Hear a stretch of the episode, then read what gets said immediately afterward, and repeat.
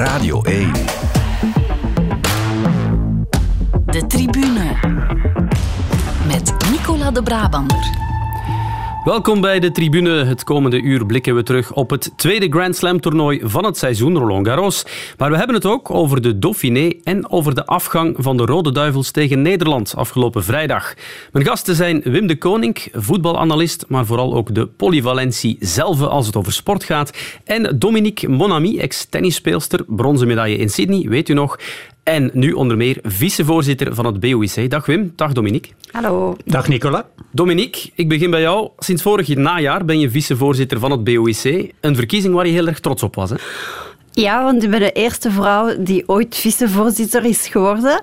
Uh, het is een première, dus uh, ik ben de eerste en daar ben ik wel heel blij mee. Het is ook een, een stuk erkenning dat je krijgt, want uh, dat zijn de federaties die voor mij gestemd hebben. En ik had de hoogste score en, en daardoor hebben ze mij gevraagd om vicevoorzitter te worden. Dat is super. Hoe bevalt die nieuwe? Het is wel een vrijwillige rol, hè? Ja, Vooral ja. duidelijkheid. Ja, sport is vaak vrijwilligerswerk. Ja.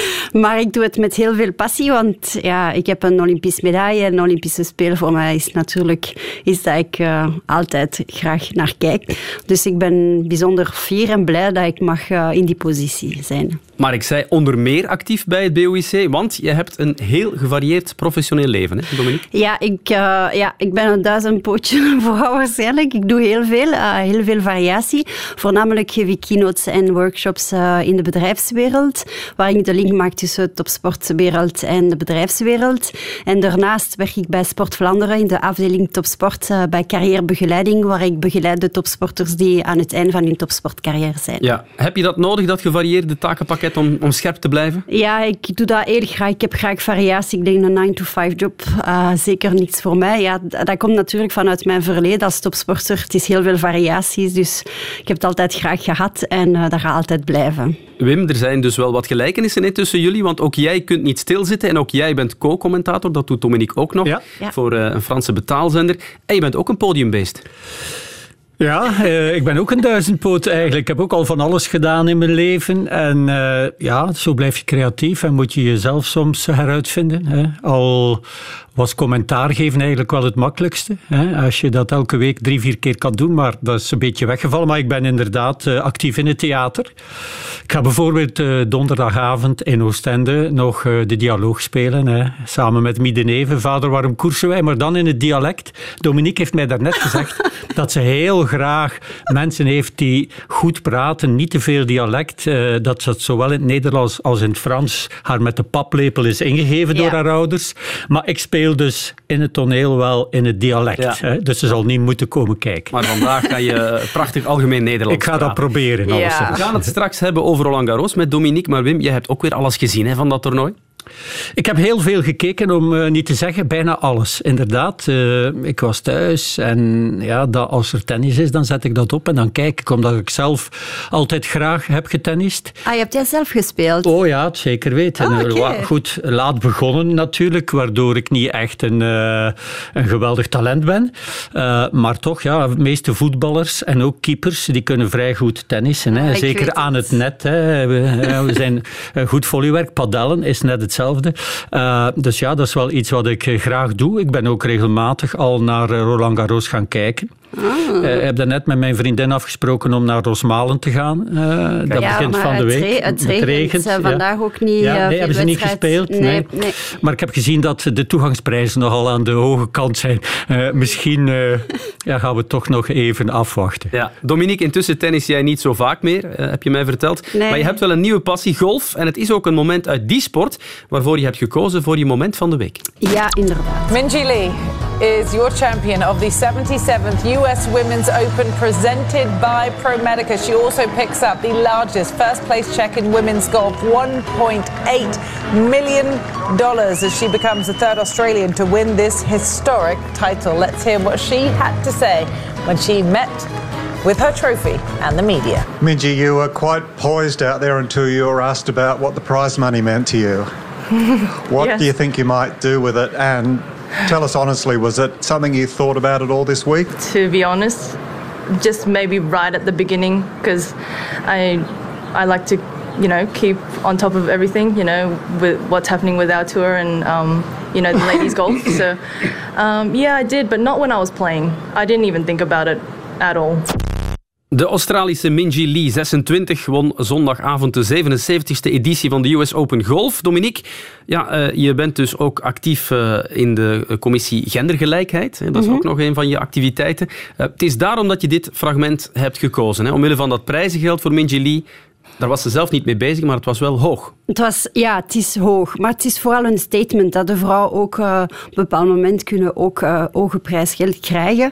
Um, het is wel inderdaad een, een ja, televisiesport. Uh, er zijn heel veel rechten uiteraard erbij. Maar um, wij proberen ook vanuit het BOIC ook meer gelijkheid te krijgen. Op, op vraag van prijsgeld natuurlijk. Want ja, in tennis zijn we wel een beetje verwend, want we zijn daar een beetje pionier van. Hetzelfde prijsgeld bij de mannen dan de vrouwen, zeker op, op Grand Slam.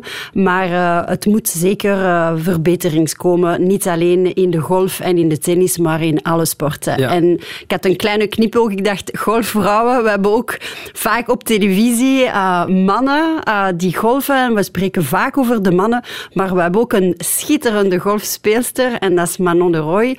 En die heeft haar eerste toernooi gewonnen in Thailand. En ik dacht, wij nemen de gelegenheid ook om over haar te mogen spreken. Heb je helemaal gelijk in. Uh, maar het is dus nog eerder uitzondering dan regel dat uh, bijvoorbeeld Minjili nu 1,8 miljoen dollar heeft ja, gekregen? Ja, absoluut. Als je kijkt bij de mannen wie de US Open gaat winnen of heeft gewonnen, ja, het prijsgeld is gewoon veel hoger. Dus het is al beter, maar ik denk dat er nog veel werk aan de winkel is. Hoe vaak speel je zelf golf? Ik probeer minstens één keer per week. Het vraagt tijd, maar voor mij is dat een ideale ontspanning. Uh, een goede uitlaatklep. Uh, ik speel heel graag. Ik ben serial handicap uh, en ik kijk heel graag ook naar golf. Wim, golf... Dat, dat hebben we niet gemeen, moet ik zeggen. een van de weinige sporten waar ik jou nooit over bezig hoor. Nee, um, ik uh, heb een paar initiaties gehad. Onder andere toen ik nog bij Anderlecht speelde. Ik denk in, was het in Dilbeek? Ja, hè? ja. Zijn we, uh, hebben we een initiatie gekregen. En eigenlijk moet je je swing doen met je voorhand in, uh, in tennis. Ja. En ja, dat lukte mij niet zo goed. Ik deed beter met mijn backhand. Ja. Ah ja. Ja, dus uh, ja, dat zat al tegendraads. waardoor ik, uh, heb ook eens een nine-hole geprobeerd te spelen, een Ieper of zo. En nee, ik kon het niet goed. En als ik het niet goed kan, ja, dan speel ik het ook niet graag. Dominique, heb jij tijd voor nog een nieuwe initiatie voor Wim? Zeker en vast. Maar ik heb wel heel veel voetballers. Uh, ja, zeker. Veel van mijn vrienden, Geert de Vlieger onder andere. Geert die, is heel die goed, golf, ja. Die golven ook, omzetten. En normaal Wesley gezien, als voetballer zou je dat in principe moeten goed kunnen, moeten. ja. Hè? Want balgevoel ja. uh, hebben de voetballers wel. Maar de grijze ook, er zijn er heel veel. Ja, ja die er zijn het er zeer heel goed veel. doen. Ik stel voor, dat is dan geregeld. Jullie zoeken een moment. En Wim, voor jouw moment keren we nog een paar uurtjes langer uh, terug in de tijd. Want op zondagnamiddag gebeurde dit. Every single person is ready to witness history here at the Lausa Stream, the fastest track possible worldwide to deliver these times. People thought it could not be done. Well, that is over. Put that to bed because Christian Blumenfeld, in his third ever long or full distance race. The first one was the world record. The second one was the world title. And if there's any doubt left in anyone's minds about this man potentially being the future GOAT, put it to bed now. 644.26. He has done it. The Norwegian hype is real. De 28-jarige Noor Christian Bloemenveld, olympisch en wereldkampioen in het triathlon, is er zondag in Duitsland in geslaagd om zijn recordpoging tot een goed einde te brengen. Een volledige triathlon, een Ironman, afhaspelen in minder dan 7 uur tijd. De uiteindelijke tijd bleek 6 uur 44 minuten en 25 seconden. Wim, voor alle duidelijkheid, een officieel wereldrecord is dit niet. Jij gaat ons uitleggen waarom, maar een indrukwekkende prestatie was het zeker. Ja, zeker een indrukwekkende prestatie. Het is zo'n beetje zoals uh, het wereldrecord marathon van Kipchoge, hè, die ook uh, ja, een beetje geforceerd is, maar je moet het toch maar doen. Die liep toen met 41 hazen en ook met wat laserstralen die ze moesten volgen.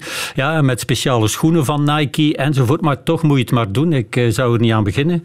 Ik zou het ook niemand aanraden. Hij liep dan onder de twee uur. Maar Bloemenveld, drie weken na het WK, wat hij gewonnen heeft, uh, dat was zijn tweede volledige triathlon. Je hoort het de commentator zeggen. Zijn eerste heeft hij ook gewonnen gewonnen in Mexico. En daar had hij ook een geweldige tijd. Hè. Zwom hij een wereldrecord.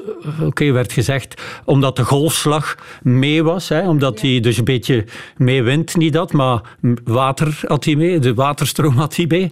Maar hij deed het eh, dan maar. is ook Olympisch kampioen op uh, de kwarttriathlon. Dus op de sprinttriathlon eigenlijk. Dus een speciaal man, want als je hem ziet... Ik moet zeggen, op de Olympische uh, discipline, toen ik hem zag, dacht ik van, ja, die kan toch niet winnen? Ziet er geen triatleet uit. Hè? Als hij dan ook nog, zoals gisteren, de marathon eindigt met één loper voor zich... Maar in het lopen word je niet zoveel uit de wind gezet. 2 uur 30 minuten na wat hij deed. 180 kilometer aan 53 per uur gemiddeld. Oké, uit de wind. De hele tijd uh, goed uit de wind gehouden. Bert Blokken en zijn team. Acht uh, rijders ervoor, waaronder Alex Dowsett. Ooit wereldduurrecordhouder bij de profstijdrijden. Ja, dat bedoel ik. Ze hebben er wel alles aan van gedaan. alles aan Artificiële omstandigheden ja. op een artificiële locatie. Het is te zeggen een, een speedway eigenlijk in, in Duitsland, Duitsland, zoals je ja. ze vaak in de USA vindt, met maar twee bochten. Daarom is het geen officieel record. Maar het maakt het niet minder straf. Het is heel straf, terwijl ik zo uh, ja, een 7-21, wat hij al gedaan heeft, op eigen houtje dan, dat vind ik eigenlijk nog straffer. Uh, dit is allemaal, heeft er twee jaar aan gewerkt.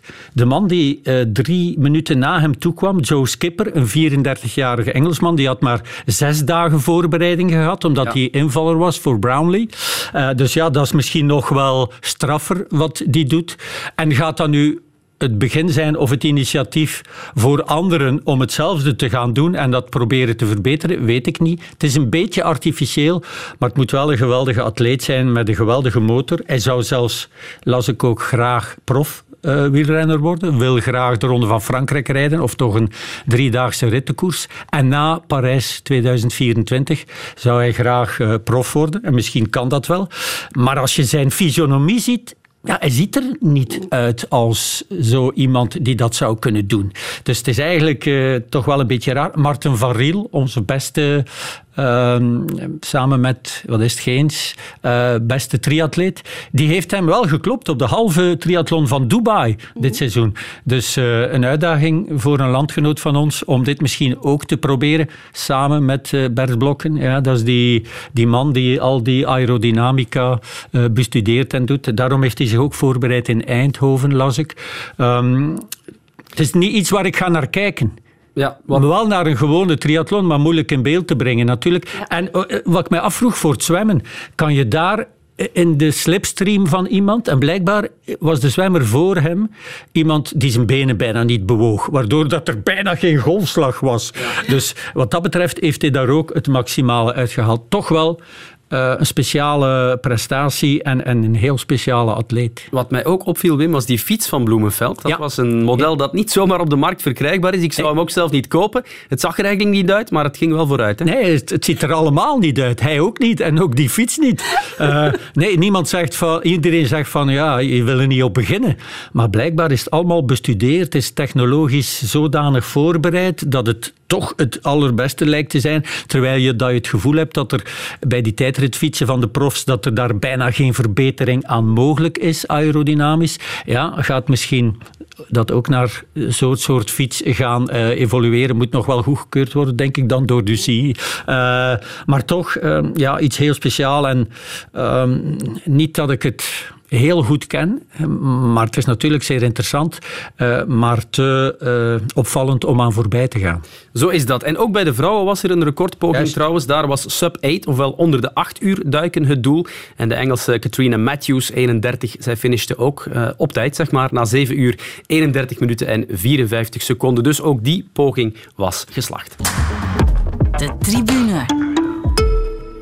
Dan gaan we het over tennis hebben natuurlijk, want op het tweede Grand Slam toernooi van het jaar Roland Garros hebben de favorieten, zowel bij de mannen als bij de vrouwen, hun rol helemaal waargemaakt.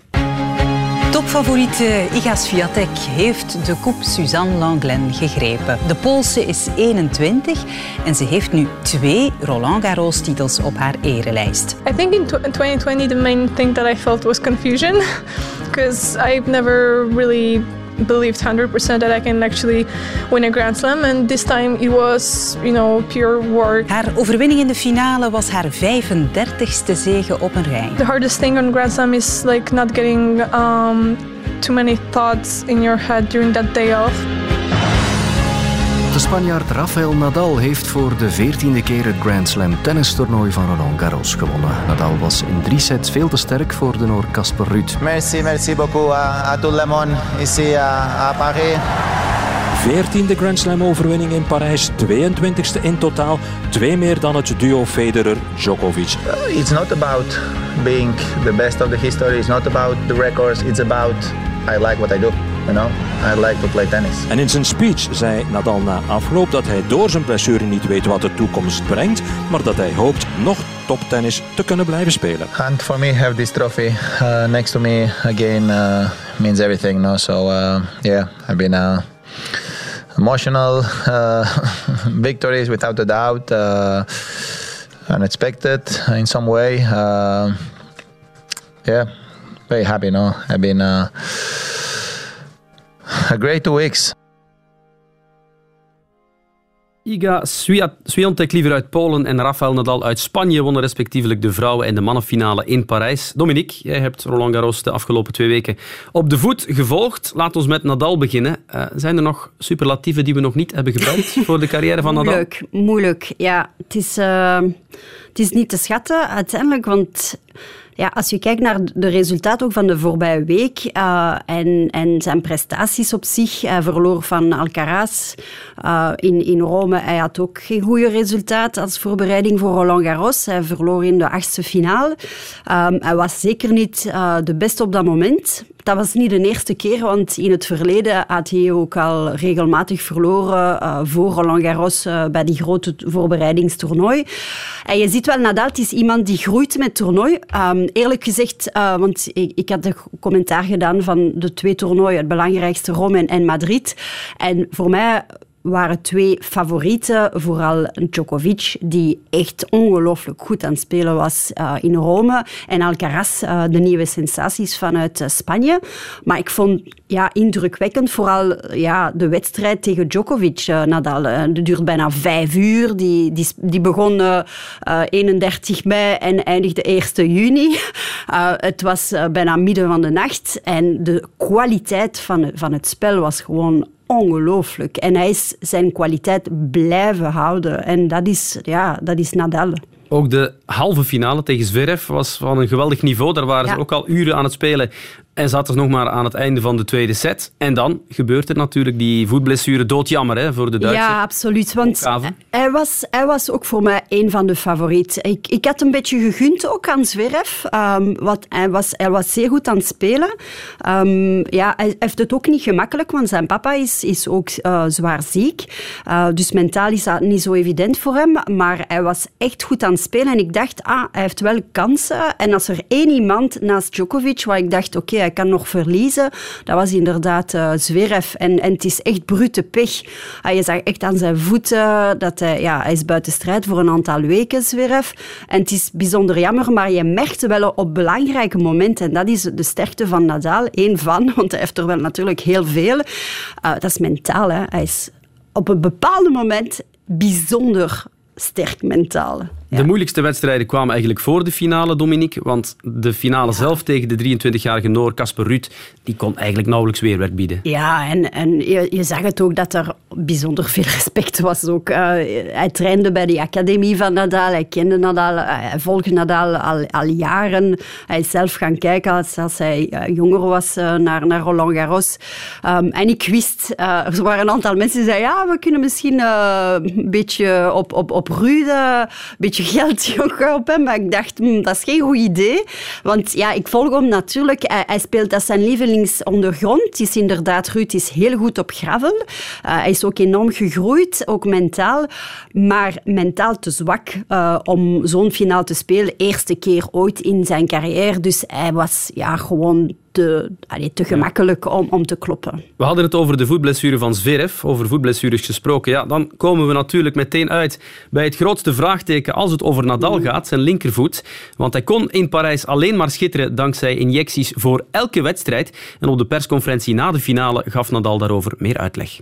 I was able to play during these two weeks uh, with an extreme conditions. No, I, I have been playing with uh, with an injections uh, on the nerves uh, to slip the foot, and that's why I was able to to play during these two weeks. Of course, Roland Garros is Roland Garros. Everybody know how much means to me this tournament, so I wanted to to to keep trying and to give myself a chance here, and that was the the only way to to give myself a chance here. No? So I did it, but it's obvious that I can't keep competing uh, with uh, with the foot asleep. Wim, het was er niet aan te zien dat Nadal last had in Parijs, maar nu snappen we ook waarom. Hij voelde helemaal niks meer. Nee, maar dat is ook gevaarlijk, lijkt me wel. Hè? Zoals Verev zijn voet omslaat, eh, zo kan je, als je voet aan het slapen is, als je niks voelt, kan je ook die voet omslaan. Hè? Het moet een heel erg raar gevoel zijn. Iedere voetballer heeft wel eens een uh, verdovende injectie gekregen. Al is het voor een keeper in een vinger, maar dat is een heel raar gevoel. Hè? Uh, maar hij was wel super, hij was geweldig. En op de dag van zijn verjaardag was de halve finale tegen Sverev. En na die halve finale vroeg een journalist hem, als je mag kiezen, de uh, finale verliezen en een nieuwe voet krijgen, of gewoon die voet houden en de finale winnen, wat kies je dan? En hij moest er geen twee seconden over nadenken. Hij zegt, geef mij maar die nieuwe voet. Ik heb al genoeg gewonnen. Ik heb al genoeg Grand Slams gewonnen. En dan kan ik, zei hij er ook bij, maar na mijn tenniscarrière, die dan wat langer zal ja. duren, nog een balletje shotten met mijn vriendin. Want hij was ook gaan kijken, dat hebben wij gezien, Nicola, in dit, naar de finale van de Champions League. Hè. Daar in Parijs, naar de Real Madrid tegen, ploeg, ja. tegen Liverpool op zaterdagavond in zo'n toernooi. Want ik had gelezen dat hij zei van ik heb kaartjes daarvoor voor die finale, want hoogstwaarschijnlijk zal ik niet meer in het toernooi zitten. Hij heeft zichzelf toch wel onderschat, want je zag al, ik heb ik je ook gezegd dan, je zag al bij die eerste wedstrijden dat het weer de allerbeste Nadal was. Ja. ja. Het, het, gaat om de ziekte van Muller-Weiss. Ja. Wim, je hebt daar net nog eens opgezocht wat het allemaal betekent. Het is een voetafwijking, we gaan het niet uit de doeken doen hier, dat zou ons te ver leiden. Maar Dominique, voor jou is dit heel herkenbaar. Hè? De impact van een tenniscarrière op een lichaam is niet gering en ook jij ondervindt dat eigenlijk nog elke dag. Ik heb uh, ooit in Roland Garros, ik had tendinitis uh, aan de fascia lata. En ik heb ook uh, een injectie gekregen voor mijn wedstrijd. Want ik wou per kost... Grand Slam, dat is iets... Hij zegt, ik ga door.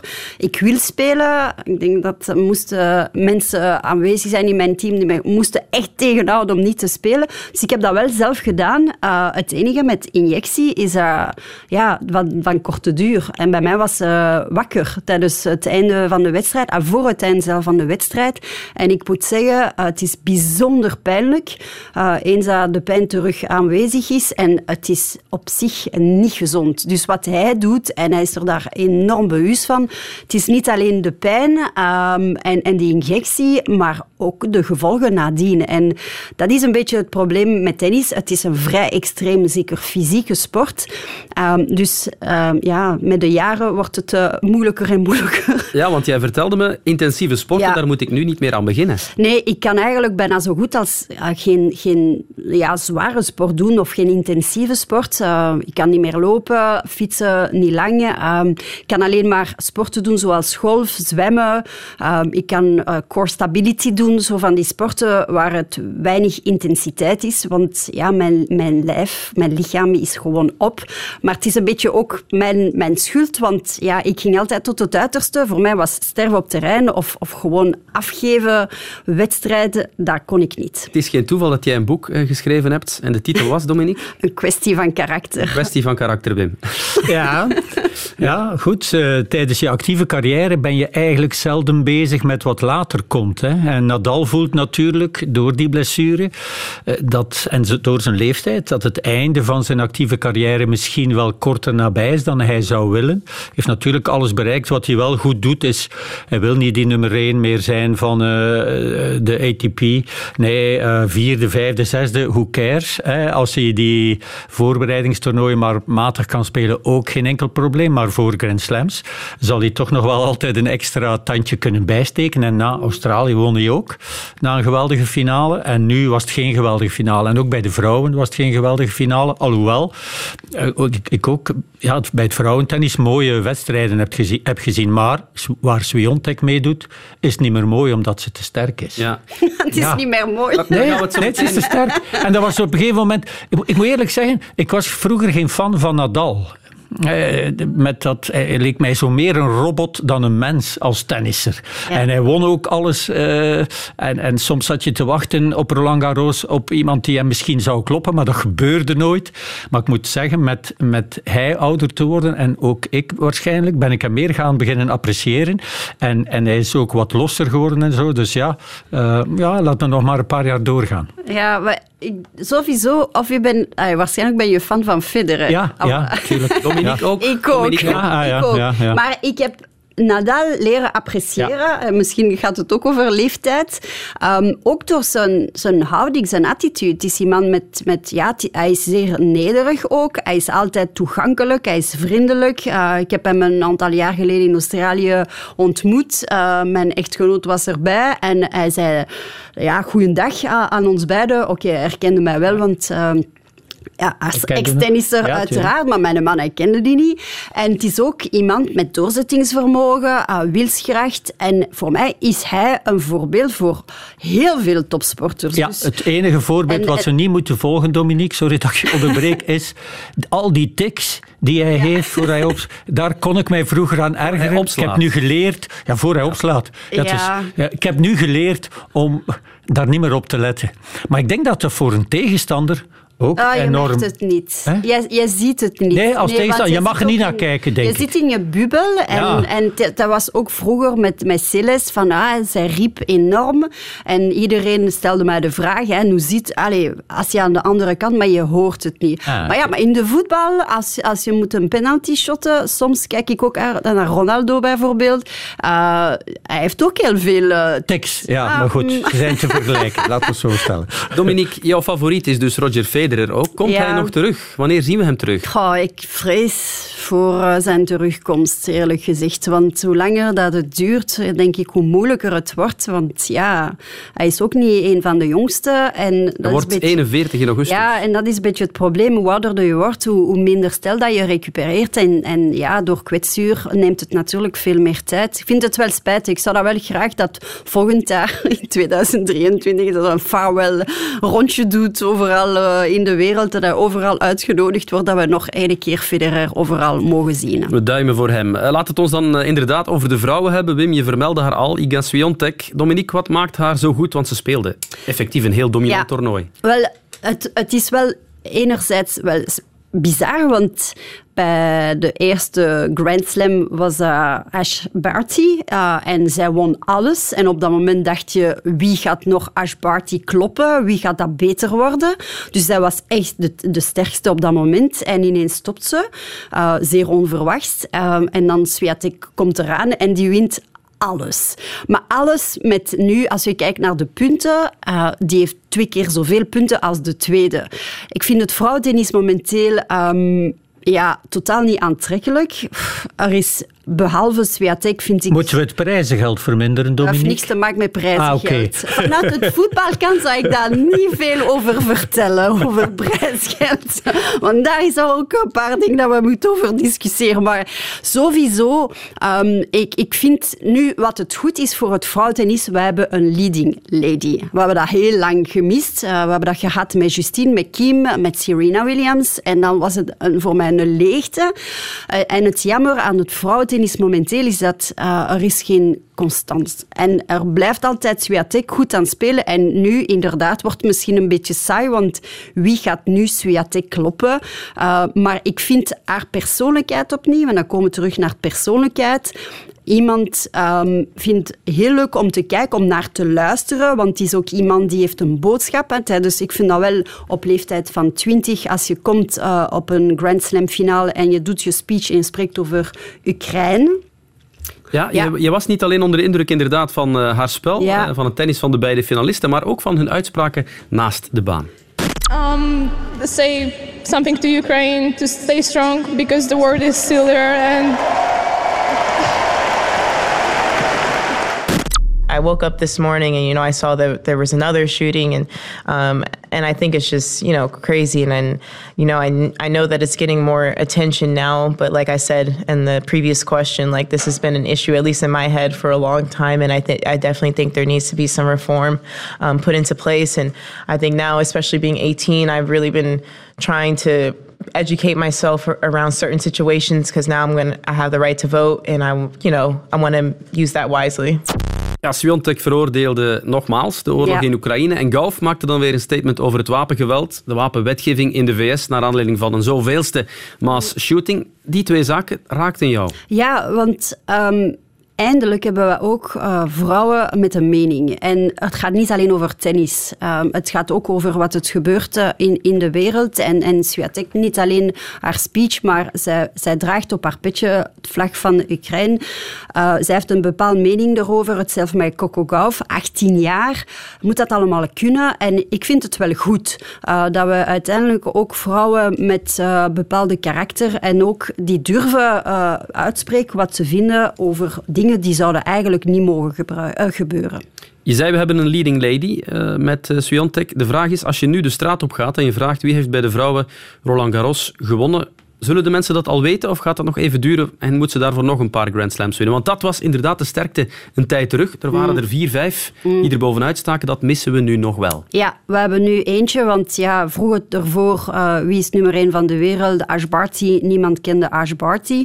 Eh, ik denk dat Swiatek, zeker nu dat ze Roland Garros heeft gewonnen, je vraagt het misschien niet aan de, de gewone mensen in de straat die geen tennis volgen, dat gaan ze waarschijnlijk niet weten. De, de tennisliefhebber, ehm, niet fanatiek, zullen het waarschijnlijk weten, want ja, ondertussen 35 wedstrijden op rij gewonnen. Die verslaat ook eh, het record van Venus Williams. Eh, ja, dat maakt natuurlijk eh, dat het niet alleen topprestaties worden geleverd, maar die blijft gewoon constant winnen. Ja. Dus het is iemand, denk ik, ja, dat waarschijnlijk wordt in, in de komende maand nog, nog meer over gesproken. Ja, en vooral, ze is goed in alles. Ja, ze slaat dubbel zo hard dan de rest. Ze is snel, ze, ze heeft geen zwakke punten, dat zie je. Ze heeft zelfvertrouwen te koop. Maar ze heeft ook in haar eh, staf heeft ze ook al een psycholoog. Erbij. absoluut. En dat vind ik wel goed, omdat eh, van de top 10 waren er eerste, tweede, derde ronde eh, van 2 tot 10 bijna niemand niet meer bij. Daar Nee. nog in Parijs. Allemaal uitgeschakeld. Dus ehm, nu heb je echt wel iemand waar niemand tegenop kan en waarvan je het gevoel hebt, die is vertrokken voor de komende tien jaar. Als ze dat mentaal volhoudt. Ja. Hè, want fysiek zal dat wel lukken, maar als ze het mentaal volhoudt. En je zag ook, ik had te doen met Coco Gauff na de finale. Wat had ze gedacht? Dat ze Swiatek ging kloppen. En door het feit dat ze verloor, zat ze te wenen nadien. Hè? En dat is ook alweer zo... Ik ga niet... Het is 18 jaar en een meisje en teken... Maar dat is zo'n teken van... hmm, Vind je dat ook, Dominique? Ja, Ik vind het wel goed dat ze wint. Ik vind ook dat het belangrijk is dat je kunt je emoties uiten. Ehm, Maar Osaka bijvoorbeeld doet ook niet anders dan wenen. En die was ook op een gegeven moment Ja. Grand Slam winnaar op jeugdige leeftijd. En die is nog altijd Ja. niet terug op mentaal Maar vlak. wat de, vaak de mensen... Het is een individuele sport. De druk is gigantisch eh, groot. Eh, we moeten niet onderschatten. 18 jaar, 20 jaar oud. Uh, Swiatek heeft gezegd, de eerste Grand Slam, dat was een beetje... Ja, het gebeurt, maar ik was er niet voor bereid. Zij heeft twee jaar nu gewerkt, inderdaad. Zij heeft in haar staf een, een, sportpsycholoog. Ash Party ook sportpsycholoog. En ik vind het wel goed, want mentale gezondheid is heel belangrijk in tennis. Hè, zoals alle individuele sport. Je moet het zelf doen. Het is niet dat je zegt, ah, ik heb een slechte dag vandaag. Uh, mag ik wel vervangen worden door iemand anders? Hè? Beetje in de voetbal heb je een slechte dag, dat gaat niet. Dan word je wel vervangen door iemand anders. Maar in de tennis heb je een slechte dag, dan is dat pech. Hè? En daarom ben ik gestopt en kan ik je volgen. Als eh, in het tennis, ja, kon niet tegen mijn verlies. En het gebeurde te veel. Dominique, tot slot, de Belgen geen echte uitschieters daar, hè? Wel, uh, Elise heeft wel uh, ja, goed gespeeld. Ze heeft verloren van Coco Gauff. Ik vind persoonlijk dat haar beste wedstrijd was tegen Coco Gauff. Uh, maar toch kansloos. Ja, ja inderdaad. Um, een maatje groter, inderdaad. Maar ja, opnieuw uh, vierde ronde. Uh, het moet dat ook niet onderschatten. Het is wel, het is wel mooi. Uh, de constance van, van ja, Elise is aanwezig. Um, ze mist nog een beetje een tikkeltje... Een beetje, ja, ik weet het is moeilijk om dat uit te leggen, maar de, de schwung zo, ik ga ervoor, dat mis ik nog altijd bij haar. En denk ik dat dat is een beetje wat ze mis om in de top 10 te raken. En aan de andere kant hebben wij David Goffin, die heeft ook ja, heel goed gespeeld, jammer genoeg gekwetst. Uh, en die was uh, ja, kansloos tegen Urkac, die ja, toch uh, een week ervoor, of een week en een half ervoor, gewonnen had in, in Rome. Ander tennisnieuws. Uh, Dominique Kirsten Flipkes, na Wimbledon ja. stopt ze ermee. Hoe reageer je op dat nieuws? Wel, ja, zij is ondertussen 36. Die, uh, die heeft een kwetsuur gehad. Um, dus die is lang buiten strijd. Vindt het wel goed dat ze eindigt uh, haar sport, topsportcarrière in Wimbledon. Zij heeft daar halve finale gespeeld. Dus voor haar is, vind ik wel een beetje ja, op een mooie manier je carrière kunnen afsluiten. Ik weet niet, misschien gaat ze wel verder doen in dubbel, want zij speelt nog altijd goed. Zij heeft nog een, een hele goede ranking in dubbel. Dus misschien stopt ze wel haar enkel carrière, maar ik denk dat misschien in dubbel gaat ze wel voortdoen. Oké. Okay. Tot zover Roland Garros en het uh, tennis, maar niet getreurd, want over drie weken staat uh, Wimbledon alweer op het uh, programma. Radio 1. De tribune. Ons volgende thema is wielrennen. Het criterium du Dauphiné is begonnen en de Belgische wielerfans mochten zondag al meteen juichen, dankzij de ritwinst van Wout van Aert. Maar in etappe 2 hield een vlucht van 5 verrassend stand. Alexis Villermoos van Total Energies won de rit. Geen 2 op 2 dus voor Van Aert, die zijn gele leiderstrui verloor aan Villermoos, maar wel het groen behoudt. But for sure, if we knew uh, we came up short like this, then uh, we need start more early, uh, faster. But it's always afterwards. It's always easy. Uh, I was thinking in the, the last 15k with the, the last kicker, we would bring it down uh, easy, yeah, more easy than than it, it happened actually. So uh, I think the whole bunch, uh, including us, was uh, did a miscalculation. When it was in the last 10k, still uh, 30 seconds or something, I, I was not really confident anymore we could catch them. So uh, yeah, it's it's a shame because uh, the legs were there to, to take another victory, but um, it was not meant to be. Over de ritwinst van Van Aert op zondag en de massaspurt die er niet kwam vandaag maandag kunnen we praten met collega Renaat Schotten.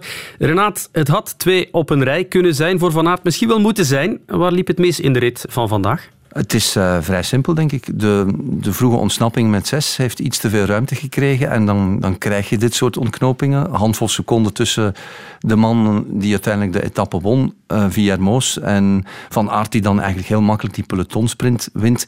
Als uh, iets sneller één mannetje meer erbij posteren in de achtervolging, dan sprint hij waarschijnlijk voor de ritwinst. Dan heb je het over Jumbo-Visma. Ja. Zij hebben die achtervolging niet helemaal goed ingeschat vandaag.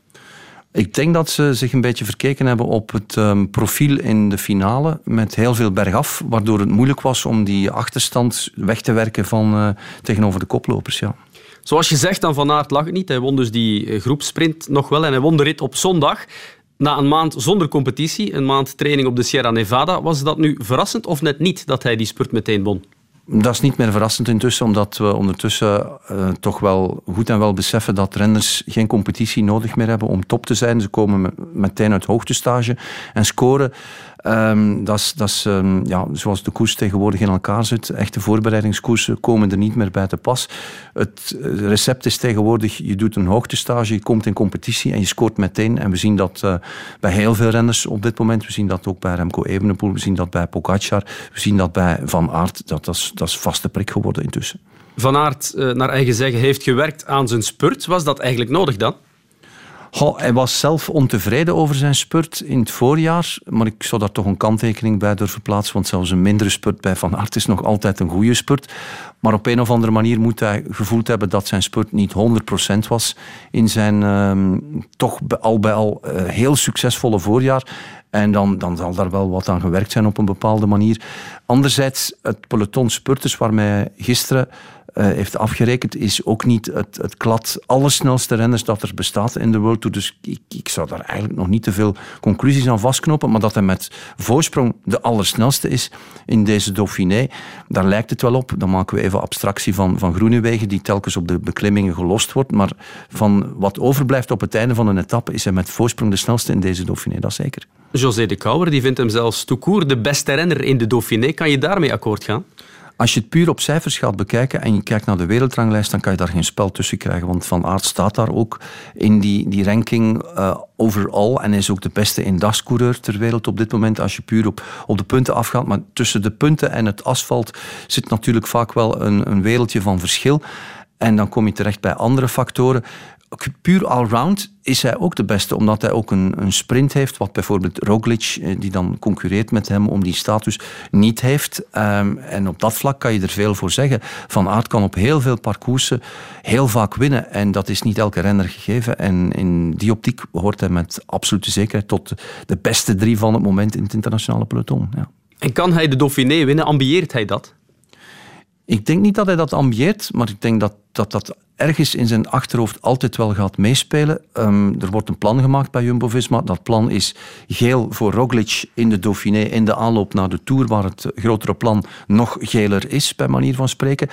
Maar ik denk niet dat Van Aert kansloos is. Mocht er iets gebeuren met Roglic, dan zal hij klaarstaan en kan hij die rol meteen overnemen. Maar ik denk wel dat Wout van Aert dan het type renner is dat zegt van we gaan ons aan het plan houden. En dat plan is, geef mij hier ook maar groen in de Dauphiné. Dan gaan we dat groen proberen dunnetjes over te doen in de Tour de France. Wat ook opviel was dat hij over die trainingsperiode zei ja, ik voelde me niet fantastisch. Mogen we dat eigenlijk opvallend vinden, Renaat, dat iemand van zijn kaliber nog twijfelt aan het eigen kunnen? Zo lijkt het toch? Ik weet niet of hij dan twijfelt aan zijn eigen kunnen. Ik denk dat dat dan eerder gevoelsmatig is. Eh, je mag niet vergeten, die zitten daar drie weken in splendid isolation met, met een heel beperkte uh, kern rond zich, ploegmakkers, um, begeleiding, staf. En dan heb je eigenlijk geen referentiepunten. Wat beteken ik nu, wat ben ik nu waard wanneer echt om de knikkers gaat, wanneer ik in een peloton ga rijden? En die onzekerheid, dat voor mij illustreert dat eigenlijk de kampioen in de persoonlijkheid. Want dat beetje twijfel, dat zorgt altijd voor een extra prikkel die dan misschien op het moment dat je weer in koers komt, erg van pas komt. Naar welke renners is het nog uitkijken in de Dauphiné deze week? Als we dan vanuit Belgisch perspectief gaan denken, dan denk ik aan Dylan Teuns. Um, Teuns heeft daar zeker nog het, terrein voor zich om te scoren en eventueel een etappe te winnen. Um, je zit met een heel zwaar slotweekend. Uh, Croix de Fer in de voorlaatste etappe. Plateau de Solaison op de laatste dag. Dat is een aankomst bergop buiten categorie, om u tegen te zeggen. Dat zijn beklimmingen die Dylan Teuns um, zeker aan kan als je dan zijn verhaal van Plateau de Paix, um, wat zeg ik, van La Planche des Belleville vooral in de Ronde van Frankrijk in het achterhoofd neemt. En Roglic, uiteraard zijn we ook wel benieuwd naar zijn vormpeil. Roglic is op dit moment nog een beetje een vraagteken, omdat we eigenlijk weinig referenties hebben. Je verwacht natuurlijk dat, dat Sloveen meteen competitief is, en dat zal ook nodig zijn. Los van het feit dat Pogacar niet in de Dauphiné zit en een ander traject doet richting Ronde van Frankrijk. Maar ik denk wel dat ze in kamp van Jumbo-Visma een signaal van Roglic willen zien, liefst uh, vandaag eerder dan morgen. Het is een generale repetitie, die Dauphiné voor de Tour. Dan is het jammer dat niet alle topfavorieten voor die Ronde van Frankrijk er zijn? God, jammer. Um, je kan nu eenmaal in de wedstrijden voor de Ronde van Frankrijk nooit een complete tourpeloton krijgen. Je zit ook met uh, de Ronde van Zwitserland, die dan binnenkort van start zal gaan. Je zit met een race en andere wedstrijden. Het hoort erbij dat, dat renners verschillende trajecten kiezen in de aanloop naar zo'n Ronde van Frankrijk. En ik zou het eigenlijk saai vinden voor de koers, mocht het complete tourpeloton dan ook al in dezelfde koers opduiken. Ja, waarom rijden we dan nog die Ronde van Frankrijk, bij manier van spreken? Dat is ook waar. Alright, fantastisch. Dankjewel Renaat voor je analyse en nog eh, veel plezier met de komende etappes. Dankjewel Niklas. De Dauphiné eindigt eh, zondag. Wim, ik pik ook nog even in bij jou, want er was vandaag, maandag, uh, Nieuws heet van de naald met een knappe overwinning alweer voor een man die indruk maakt, Arnaud Delis. Ja, een uh, machtsmens van wie ik uh, deze week nog las van zijn coach dat hij wat aan zijn explosiviteit nog moet werken. Maar als je nu ziet dat hij drie op een rij scoort, grote prijs Marcel Kind, Heistse Pijl zaterdag en vandaag de Ronde van Limburg, de Limburg Classic. En de manier waarop hij zowel zaterdag als vandaag wint, is fenomenaal voor een jongen die in april 20 is geworden. Hij oogt als een bodybuilder bij manier van spreken, is, uh, maar kan wel een klimmetje op. Um, vandaag won hij in Tongeren En het is ja, lichtjes bergop, een hellende aankomstlijn. En hij was tien meter voor hè, op de tweede. En Sam Bennett bijvoorbeeld, toch ook een eh, wereldtopper, die werd aangetrokken door ehm, nummer drie vandaag, Van Poppel, ja, eh, van Bora. En Bennett moest naar de zee sprinten, maar die raakte niet over Van Poppel. Die plafonneerde eigenlijk helemaal. En handjes boven op het stuur ging eh, De Lee ja, als een ja, gemakkelijk, onvoorstelbaar makkelijk. 10 meter was hij voor. Wim van Zevenand heeft aan José de Kouwer gezegd voor het seizoen de Lee, dat kan de nieuwe bonen worden op termijn. Dat is niet mis qua vergelijking. Nee, maar dat zie je nu al wel. Dat dat er uh, boenk op zal zijn, denk ik. Hè. Uh, ik. Ik heb het hier al eens gezegd toen hij ter sprake kwam. José heeft hem hier al eens genomen als uh, moment van de week. Ik heb er tegen gekoerst vorig jaar. Hè. Ik heb de grote prijs Criquillon gereden in La Roche. En hij was daar de winnaar. En daar ben je goed in. Ja, ja, ja fietsen. Ah, maar ik, was, ik was 590ste. En de Lee won. Ja. Maar de Lee is iemand met kilo's. En het was wel 3500 meter hoogte meters. Dus uh, het is iemand die ook bergop kan door zijn power. Uh, en die, die zich heel, heel goed weet te plaatsen. Die al zes keer heeft gewonnen. En die ja, ook natuurlijk vandaag, Cavendish viel dan wel. En Gerben Thijssen vlak voor uh, de finale eigenlijk. En hij, hij beschikt over een uitstekende ploeg. Want ze moeten veel puntjes pakken, Lotto. En dat doen ze dankzij hem. Ja, inderdaad. Hij zet de ploeg echt wel weer op de kaart de laatste tijd. Radio 1. De tribune. En eindigen doen we met voetbal. De derde editie van de Nations League is begonnen. De Rode Duivels die trapten vrijdag hun campagne af met een thuiswedstrijd, een derby der lage landen. Het is een uh, leuke affiche, België tegen Nederland. Ja, de spelers zeggen, Eddie, het is er te veel aan en ik geef ze gelijk. Maar ja, als er dan één wedstrijd is waar je toch nog eens het beste van jezelf moet geven, van de twee kanten, zeker ook van de Belgen, dan is het deze wedstrijd. Frenkie de Jong met de afhakende Bergwijn. Die heeft zin in een schot. Oh, geweldige goal. Geweldige goal. Een zee van ruimte heeft hij dan. Zee van ruimte. Kijk eens hoeveel ruimte. Het Boyata. Die nu met de bal inschuift in de middencirkel. Geeft hij tekort voor Onana. Wel, wel, wel. En nu is daar aan de overkant de paai gelanceerd. Hoog in oog met Mignolet 0-2. Alsjeblieft. Alsjeblieft 0-2. En dit worden nog ellendige 40 minuten als je je niet, uh, niet snel de rug recht. Wij gaan meteen verder in het Koning, Koning Boudewijnstadion bij Peter en Eddy. 0 tegen 3 is het voor Oranje. Wel, wel, wel. Het wordt stilaan een vernederende avond voor de Rode Duivels. En er is een diepe bal. Weer een kans voor de Pai. 0-4, alsjeblieft. 0-4. Nu begint toch het fluitconcert, het boegeroep. Terwijl nu Batshuayi, ja, daar is toch nog dat doelpuntje. Dat maakt het dan iets minder zwaar. Maar het blijft nog altijd een... Uh, afgang zonder voorgaan. Vandaag krijg je een serieuze dreun en ik hoop dat hij uh, voor de Belg zelf niet te lang gaat uh, nazinderen. 1-4 Wim, eh, had je dat zien aankomen en geef je meteen ook even de verklaring voor het uh, falen? Uh, zien aankomen, niet echt. het is wel zo dat Nederland heel erg sterk was en wij heel erg zwak. En wat dan uiteindelijk de oorzaak daarvan is. Um, het was de wedstrijd te veel voor de Belgen, dat is duidelijk. Um, Kevin De Bruyne, die, die had het al aangegeven. Ik kan mij ook voorstellen, hij bijvoorbeeld, die de laatste maanden van dit seizoen alleen maar levensbelangrijke wedstrijden gespeeld heeft. Ja, uiteindelijk dan toch uh, Engels kampioen is geworden, net geen Champions League heeft gewonnen. Uh, en dan snak je naar vakantie, in zijn geval. nee, maar dan moet hij nog vier wedstrijden gaan spelen voor de Nations League. Ze hadden hem beter thuis gelaten. Ja, zeg maar iets. en Courtois heeft slim gespeeld, tuurlijk. Tuurlijk, die, die speelt zijn beste seizoen uh, ooit. En hij heeft er al zo geweldig gespeeld. Beste keeper van de wereld, wint de Champions League al bijna op zijn eentje. En zegt dan doodgemoedereerd de dag nadien, ja, maar ik ben al lang gebleven hoor. Ik heb wat uh, pubalgie. Ik ga afzeggen voor die vier wedstrijden en herstellen voor volgend seizoen. Ja, uh, dat is het slimste natuurlijk. Hè. Uh, en misschien heeft hij wel pubalgie. Ik ga dat niet in twijfel trekken. Maar als je zulke wedstrijden nog kunt spelen voor in de Champions League, had je ook deze wedstrijd kunnen spelen. Maar hij had. Uh, maar het feit dat hij er dan niet bij is, heeft ook invloed op al de rest. Ik had te doen met Mignolet, was de enige waarmee ik te doen had. Hè, die dan eindelijk eens mag keepen, die in de vorm ook van zijn leven zit. Uh, die een paar goede reddingen had, maar er toch vier incasseert. En die zal gedacht ja. hebben van, wat doen jullie mij aan, jongens? Dominique, kan je erin komen dat jongens als de Bruine Courtois... Dat dat die geen zin meer hebben in die matchen na een lang seizoen? Maar mijn vraag is, is dat niet een toernooi te veel? Zeker, dat is zeker te eh, Op veel. een bepaald moment kan je ook niet... Je hebt een bepaald moment ook een pauze nodig. Je, hebt, je lichaam heeft nood aan, aan rust ook op een bepaald moment. En ik vraag mij af, dat, dat zijn altijd belangrijke wedstrijden. en Je moet altijd toppresteren. Vooral Eh, omdat er nog een je- geweldig seizoen staat aan te komen met een WK en zo. inderdaad. Ja, dat ze dit nog eens opvullen op die manier. En ze willen dan ook nog, de FIFA wil dan ook nog om de twee jaar graag het WK organiseren. Wanneer gaan ze dat doen? Er komt een moment dat er elke dag zal moeten gevoetbald worden en dat we naar ja, grote ploegen gaan met 50 of 60 eh, spelers waarschijnlijk. Dan, dan vraag ik me ook af, want ja, aan de andere kant zijn de Nederlanders... Ja, Hetzelfde, hebben ook- hetzelfde geval. Ah, ja, Klopt. dus dat, dat is ook, want oké, wij nemen inderdaad een aantal voorbeelden vanuit België, maar ja, het wordt ook gevoetbald aan de andere kant. Dus Maar die waren zo gedreven. Dus wat, was, wat was het verschil? Revanche. Het was zo lang geleden dat ze de Belgen nog geklopt hadden. Ze hebben eigenlijk, ja, hoe zou ik het zeggen, zitten kijken naar de Belgen. Die kleine Belgen die ze altijd weggevoetbald hebben, bij manier van spreken, die opeens nummer één waren in de wereld, in de FIFA-wereldranglijst. Wij lachten als het ware een beetje met oranje. En dat moet je niet doen natuurlijk. En met een Louis van Gaal daar nu aan, eh, aan het Ja. roer, die de mannen nog eens geweldig heeft opgepompt, in tegenstelling tot Martinez. Wel, dat was mijn vraag Ja. ook naar jou toe. Ja, want, minder. Is hij stuk nog minder. de juiste man op de juiste plaats, Dominique? Ja. Dat bedoel je, denk ik.